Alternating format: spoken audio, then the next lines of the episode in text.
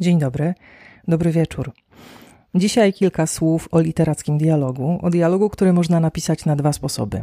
Można napisać go po pierwsze źle, po drugie dobrze. Można go w ogóle nie pisać. Opowiem o tym krótko na końcu, ponieważ to wątek wstydliwy i mocno konfesyjny.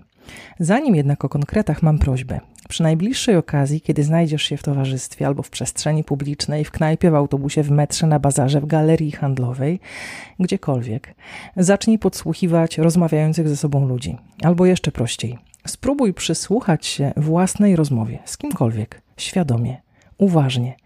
Jeżeli to możliwe, nagraj tę rozmowę, następnie spisz. Dokładnie, słowo w słowo, jeden do jednego. Przeczytaj swoją notatkę na głos i zastanów się, czy dialog, który właśnie zapisałeś, zapisałaś, jest dialogiem, który chciałbyś, chciałabyś znaleźć w fikcji literackiej. Mhm. Ciekawa jestem, do jakich wniosków dojdziesz. To już szesnasty odcinek twórczego pisania z Madejską o dialogu. Nazywam się Ewa Madejska, piszę, uczę pisania i opowiadam o pisaniu.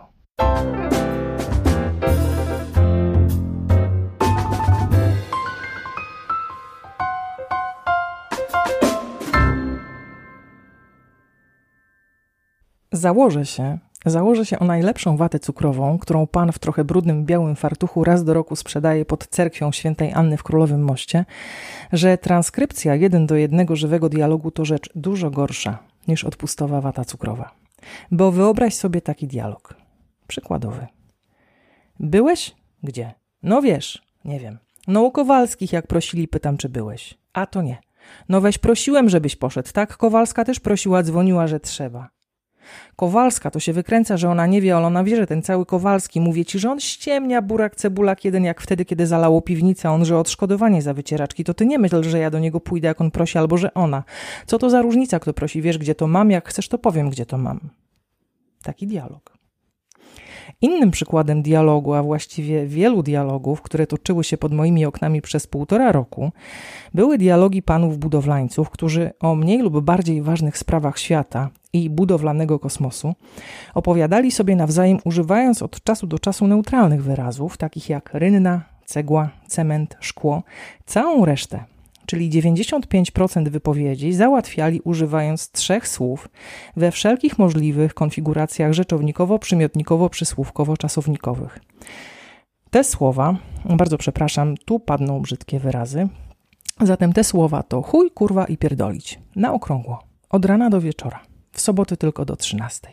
I sam sama widzisz, a może czujesz, że taki dialog nie sprawdzi się w literaturze, nawet jeżeli wsadzisz swoich bohaterów na ćwierć wieku do więzienia, którego pensjonariusze nie posługują się artystyczną polszczyzną. A swoją drogą policz, ile inwektyw pada wskazanych na Shawshank Stephena Kinga. Te dwa krótkie przykłady dowodzą, że literacki dialog jest wyłącznie iluzją żywej mowy. Iluzją żywej mowy. Albo inaczej, jest żywym językiem, ale po redakcji.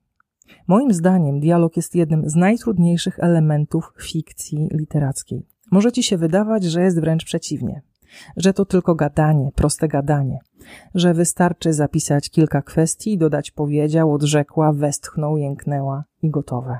No nie, nie gotowe. Rzecz jest dużo bardziej skomplikowana, ten krótki odcinek podcastu zaledwie dotknie, delikatnie dotknie kilku najważniejszych kwestii. Dużo więcej, może nawet wszystko, znajdziesz w kursie poświęconym w całości dialogowi, w kursie, w którym oprócz całego mnóstwa autorskich ćwiczeń, moich ćwiczeń, znajdziesz wyjątkowy bonus, ale o tym we właściwym czasie. Zatem, jakie funkcje pełni dialog w literaturze? A tych funkcji, najważniejszych oczywiście, jest kilka.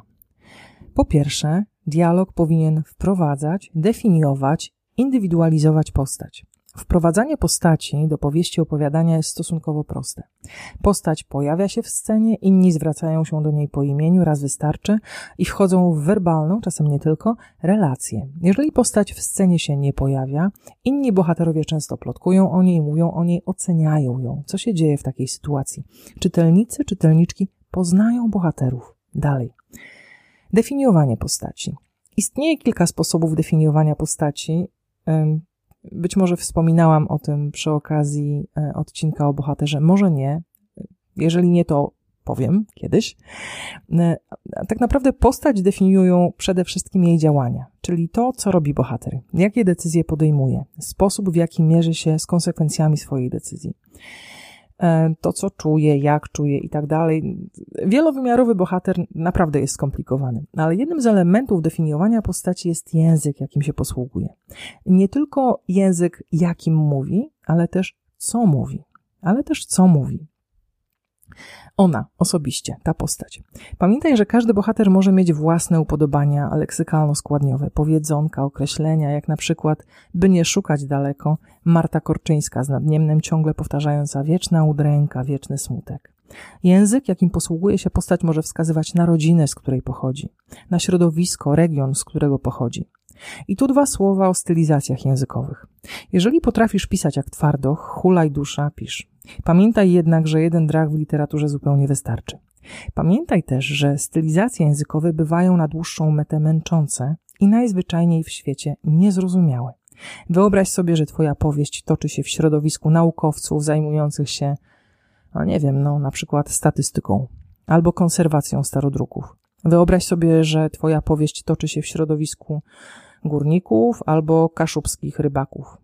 Ich dialogi byłyby czytelne dla ciebie, autora, autorki i może dla kilku osób, które znają opisywany świat, znają dialekt oraz idiolekt poszczególnych postaci. I tylko dla nich, dla nikogo więcej. Ja pewnie niewiele bym pojęła. Dla definiowania, ale też indywidualizowania postaci ważne jest nie tylko to, co postać mówi, ale też w jaki sposób mówi. Czy jest powściągliwa w wyrażaniu opinii i uczuć? Jak reaguje na to, co słyszy? Czy jest impulsywna? Czy może woli milczeć i przeżywać to, co dzieje się w niej i wokół niej w ciszy? Czy narzeka? Czy jest złośliwa? A może ironiczna? Czy lubi inwektywy? A może ma wady wymowy? I to jest jej kompleks. To wszystko definiuje, charakteryzuje, indywidualizuje Twoją postać. Sprawia, że pozwala się z jednej strony poznać, a z drugiej strony sprawia, że jest wyjątkowa, że jest szczególna. Po drugie, dialog powinien posuwać, no nie wiem, czy to jest dobre słowo, ale niech zostanie. Zatem dialog powinien posuwać akcję do przodu. Więc nie mów w dialogu tego, co czytelnicy, czytelniczki widzą. Nie pisz takich kwestii jak ta poniżej. Iwona wtargała do kuchni dwie wielkie torby. Przyniosła w nich zapas ziemniaków, kasz i kiszonej kapusty. Co kupiłaś? zapytał Grzegorz, nie podnosząc głowy z nad smartfonu. Zapas ziemniaków, kasz i kiszoną kapustę, odpowiedziała Iwona. Postanowiła, że musi natychmiast umyć ręce. Wodę zakręć, mruknął Grzegorz. Przecież myje ręce, odpowiedziała Iwona. Taki dialog obroniłby się w życiu, ale nie w literaturze. Jest o niczym. Zawiera pozorny konflikt, nie buduje akcji. Moim zdaniem zresztą sam dialog, same słowa akcji nie budują. Buduje ją to wszystko, co dzieje się z Twoimi bohaterami, kiedy wypowiadają swoje kwestie i pomiędzy kwestiami, które właśnie wypowiedzieli. Załóżmy, że Iwonie i Grzegorzowi zmarła babcia, babcia Hania. Zastanów się, co mogą robić bohaterowie, kiedy mówią o śmierci babci Hani. Iwona może płakać, a Grzegorz może obgryzać paznokcie z nerwów, denerwując się o zapisy w testamencie. I kiedy Iwona płacze, Grzegorz podejmuje decyzję, że spotka się z bratem, żeby obgadać z nim kilka sposobów na to, jak wykiwać siostrę, która zadzwoniła przed momentem i poinformowała, że przylatuje na pogrzeb z Kanady.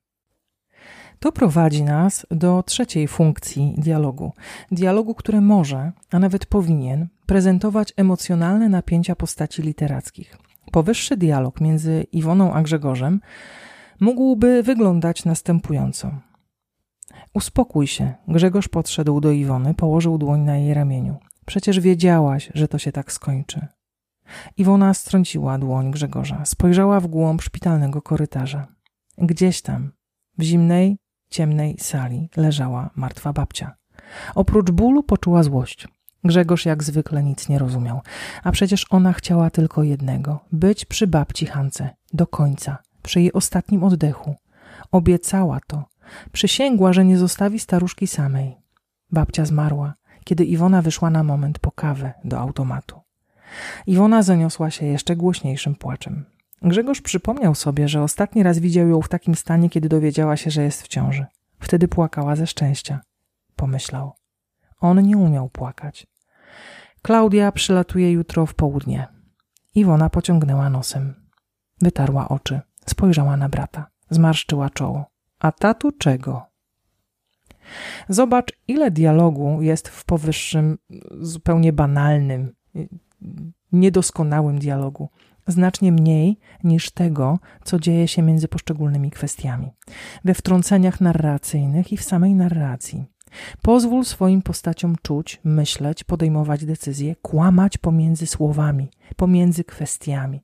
Zobacz, o ilu rzeczach dowiedziałeś się, dowiedziałaś się nie wprost, przy okazji tego wymyślonego na prędce dialogu. Dowiedziałeś się, dowiedziałaś się, że bohaterowie znajdują się w szpitalu, że siedzą na jednym ze szpitalnych korytarzy, że są rodzeństwem, że Iwona ma dziecko, że chyba nie za dobrze dzieje się między nimi, że na koniec Iwona prawdopodobnie nie znosi Klaudii. Coś się między nimi wydarzyło. Hmm, ciekawe co. I te wnioski prowadzą nas do czwartej funkcji dialogu, do funkcji informacyjnej. Chodzi o rozmaite informacje, o informacje dotyczące przeszłości bohaterów, ale też tego, gdzie są, tego, co robią, tego, co zamierzają, co jest ważne. Nie przekazuj informacji w dialogu kawa na ławę, tak wprost, jak chłop krowie przy rowie, rozumiesz o co chodzi.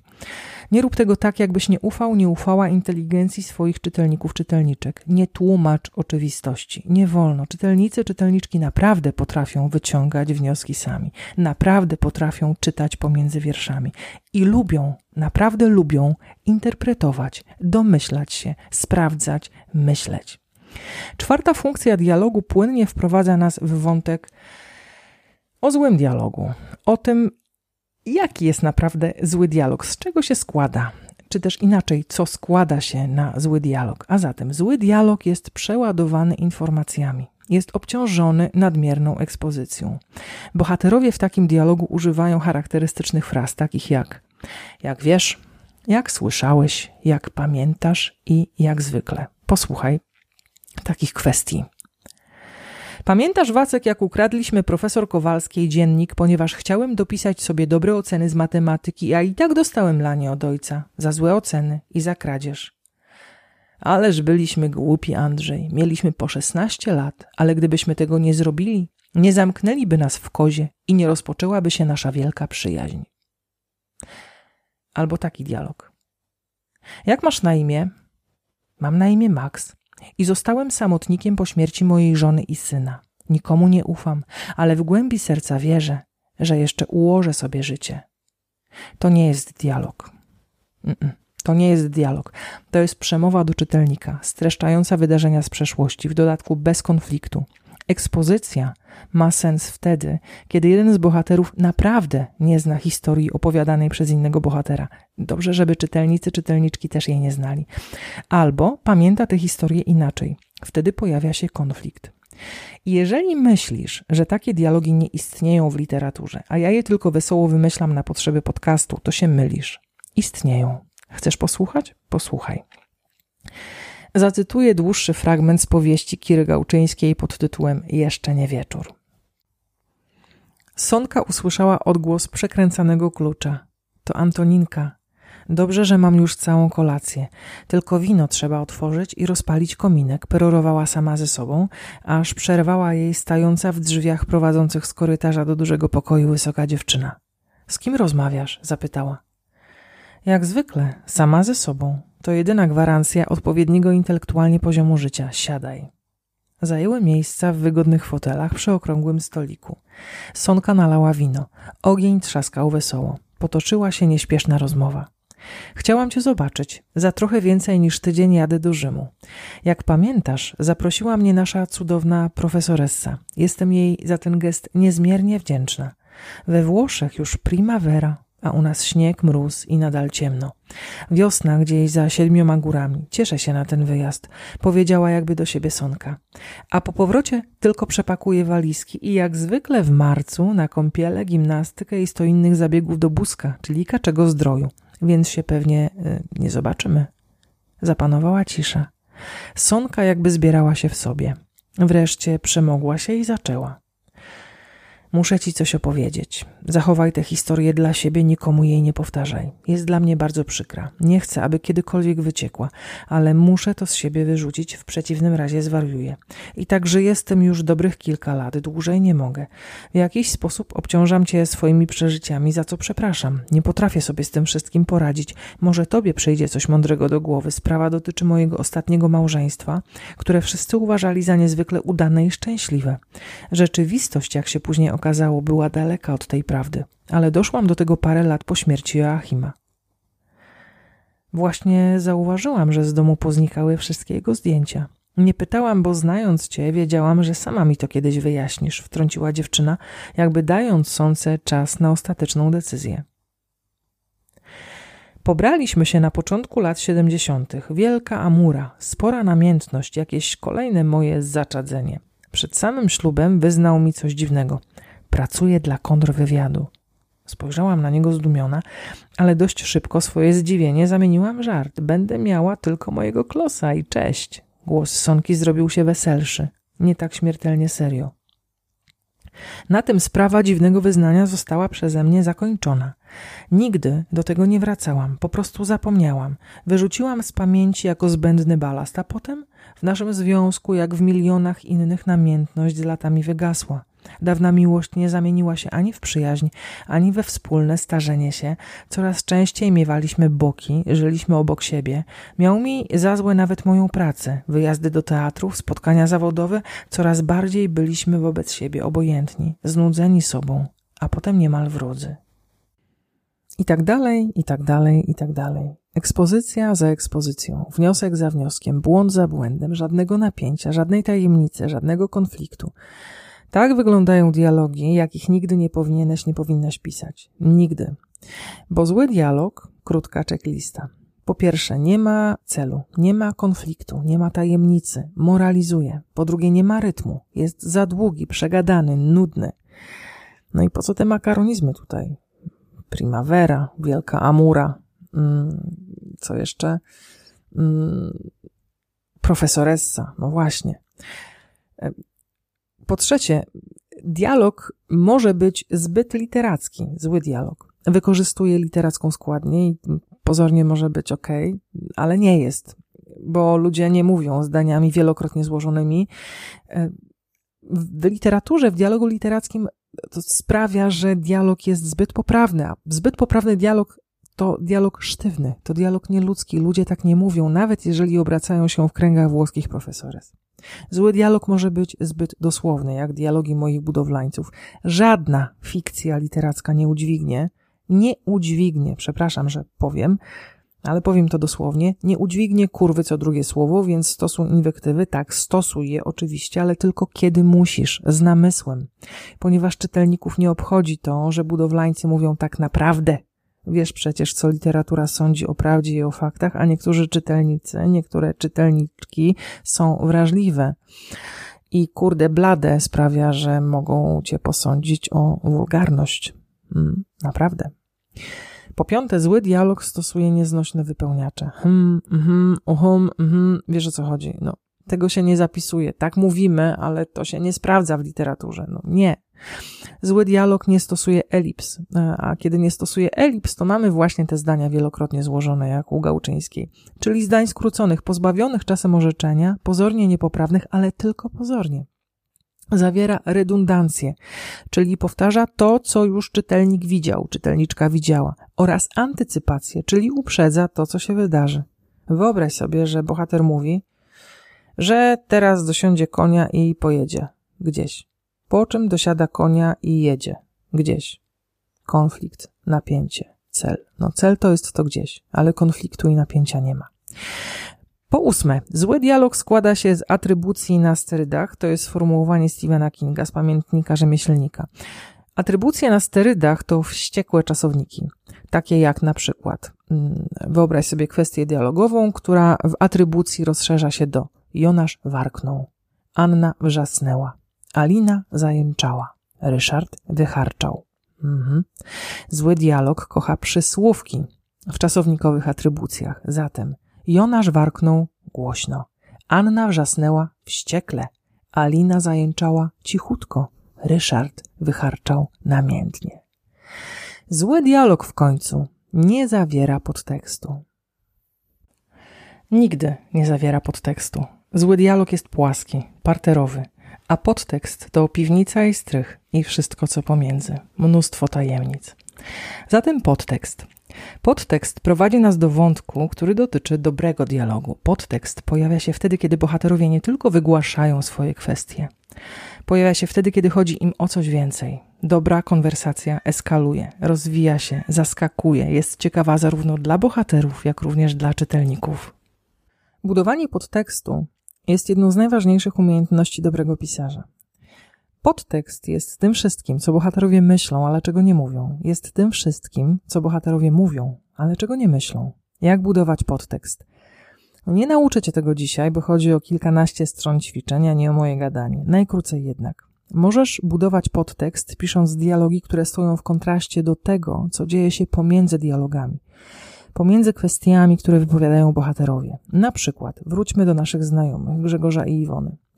Grzegorz może zapewniać Iwonę, że będzie ją wspierał po śmierci babci Hani. To na poziomie słów. No, wszystko w stanie jest jej obiecać, naprawdę wszystko, że, że pogrzeb, że cmentarz, że pójdzie z nią wspólnie do notariusza, y, zajmie się wszystkim, naprawdę wszystkim. I tylko mówi, co jednak dzieje się w jego głowie. Męczy go, to już wiesz, myśl o spadku. Do czego potrzebny mu spadek? Ma inną kobietę, o której jeszcze nikt nie wie. Zdradza żonę. Dlaczego jednak wspiera Iwonę? Ponieważ to ona, jak sądzi Grzegorz, jest główną spadkobierczynią i wredna Klaudia. Grzegorz był najmniej ulubionym wnukiem babci. Nie spisał się. Ani razu. Obawia się, że nie odziedziczy nawet starych widelców. Srebrnych. Piszesz zatem wspierające Iwonę kwestie Grzegorza, a pomiędzy nimi pokazujesz, co się dzieje w jego głowie, co się dzieje w jego sercu, co się dzieje na poziomie emocji, co się dzieje na poziomie ciała. No wszystko ważne. To wszystko buduje Grzegorza, ale jednocześnie dialog, dialog z podtekstem. I teraz mała checklista. Jak wygląda dobry dialog? Dobry dialog nie ma tego wszystkiego, co ma zły. Ale odkrywcze, prawda? No ale nie ma. Po drugie, dobry dialog jest celowy. Dialog ma cel, ale też bohater w dialogu ma cel, jego antagonista ma cel, do tego dochodzi motywacja, konflikt i katastrofa bohatera, na miarę sceny oczywiście. Po trzecie, dobry dialog składa się ze słów, które mają znaczenie. Żadnego lania wody, żadnych ozdobników, tylko to, co buduje konflikt w dialogu, co sprawia, że historia toczy się, że posuwa się do przodu. Po czwarte, dobry dialog wyjaśnia intencje oraz motywacje bohaterów. Może nie tyle wyjaśnia, co sprawia, że są one czytelne, są one rozpoznawalne. Czytelnik, czytelniczka potrafi je zinterpretować, wyłuskać, znaleźć, zrozumieć. Mm, nigdy dobry dialog nie mówi o motywacjach, intencjach tak jak Kira Gałczyńska w zacytowanym fragmencie. Po piąte, dobry dialog buduje wielowymiarową postać, postać złożoną z pragnień, lęków, słabości, tajemnic, buduje literackiego człowieka, człowieka, który nie zawsze chce o wszystkim każdemu klepać. I po szóste, dobry dialog zawiera ruch, który nazywam ruchem scenicznym. Bohaterowie zawsze jakoś się zachowują, kiedy rozmawiają z innymi. I to bardzo ważne. To niewiarygodnie wzbogaci każdy twój dialog, bo postacie mogą e, poruszać się jakoś tam, przejść przez pokój, odepchnąć się od biurka na fotelu na kółkach lub od stołu, po to, żeby uzyskać fizyczny, emocjonalny dystans od współbohaterów znajdujących się w scenie. E, mogą e, podchodzić bliżej drugiego bohatera, by pokazać im swoją wściekłość lub zasygnalizować rodzącą się intymność. Mogą chodzić od ściany do ściany, mogą się odwracać od innych bohaterów. Jeżeli postać umieszcza między sobą a kimś innym przedmiot, to jest to wyraźny sygnał, że się blokuje emocjonalnie, fizycznie, intelektualnie, w zależności od natury Twojej sceny. Poczytaj proste poradniki o mowie ciała. Wykorzystaj je w budowaniu dialogów. To naprawdę jeden z prostszych sposobów. Zatem używaj ruchu, aby wspierać i ulepszać dialog, a twoi czytelnicy zobaczą dużo więcej. Mm, to chyba wszystko, albo prawie wszystko. Dobra rada, prawie na koniec. Wykreślaj wszystkie niepotrzebne dialogi. Jeżeli dialog opóźnia akcję, jest do wyrzucenia. Jeżeli jest o niczym, nie ma w nim konfliktu napięcia celu, jest do wyrzucenia. Jeżeli nie wnosi nic nowego, jest do wyrzucenia. Jeżeli opowiada o tym, co było, albo uprzedza to, co będzie, jest do wyrzucenia. Jeżeli uprzesz się, to oczywiście do skrócenia lub do przepisania. To w końcu twoja powieść, na przykład o Iwonie i Grzegorzu, więc co ja mogę? O konwencjach zapisu dialogowego nie opowiem, ponieważ nie jestem w stanie ich pokazać w podcaście, a pokazać muszę, żeby było porządnie, żebyś wszystko zrozumiał, zrozumiała. Nadrobię to jednak wkrótce w kursie. Powiem tylko o tym, co najważniejsze. Każdą kwestię dialogową zawsze zaczynaj od akapitu z wcięciem oraz od półpauzy albo pauzy. Tyle. I na koniec. Na koniec obiecany na wstępie wątek konfesyjny. No, chyba się trochę wstydzę, ale powiem to. Powiem to. Wiele lat temu trafiłam do zespołu pracującego przy telenoweli. Na wspólnej, taka telenowela. Nie wiem, czy jeszcze ją grają. Wydawało mi się, że potrafię pisać dialogi. W końcu byłam polonistką, mnóstwo przeczytałam, pracowałam nad debiutancką powieścią e, i byłam pewna, że sobie poradzę. Nikomu nie przyznałam się jednak w zespole, że w debiutanckiej książce unikałam dialogów jak sucha trawa ognia. Nie umiałam ich pisać w ogóle. Nie umiałam. I poszłam do serialu z ulicy. Powiedziałam, że umiem. Hmm, wstydzę się tego, naprawdę. I to cud, że nikt mnie wtedy nie wyrzucił z zespołu. Dwa pierwsze odcinki, jakie napisałam, były odrobinę lepsze niż dialogi Kiry Gałczyńskiej. A może nie były. Już nie pamiętam. Załamałam się. I moja szefowa Ania powiedziała wtedy spokojnie, nauczysz się. Miała rację. E, pomogły mi później, oczywiście konsekwentnie podeszłam do sprawy, e, studia scenariopisarskie. Najbardziej jednak pomogła mi praca nad dramatami. Napisałam ich sześć, może siedem i to była najlepsza szkoła dialogu i sztuka dialogu. I jaki z tego wniosek? Z tej, no, wstydliwej dla mnie historii, że sztuka e, zawsze zaczyna się od rzemiosła i że pisania dialogów można się nauczyć. Naprawdę, można się nauczyć. Ja naprawdę, naprawdę pisałam beznadziejne kwestie. Straszne okropne, złe. Mm, a teraz dialog jest moją ulubioną częścią fikcji literackiej. Bawię się nim, szukam podtekstów, buduję postaci, uwielbiam. Ale nie było łatwo. Naprawdę nie było łatwo, więc, więc do roboty ucz się, bo naprawdę tego akurat można się nauczyć. I co? I to, że na dzisiaj to już wszystko. Jak zwykle dziękuję Ci, że mnie wysłuchałeś, wysłuchałaś do końca.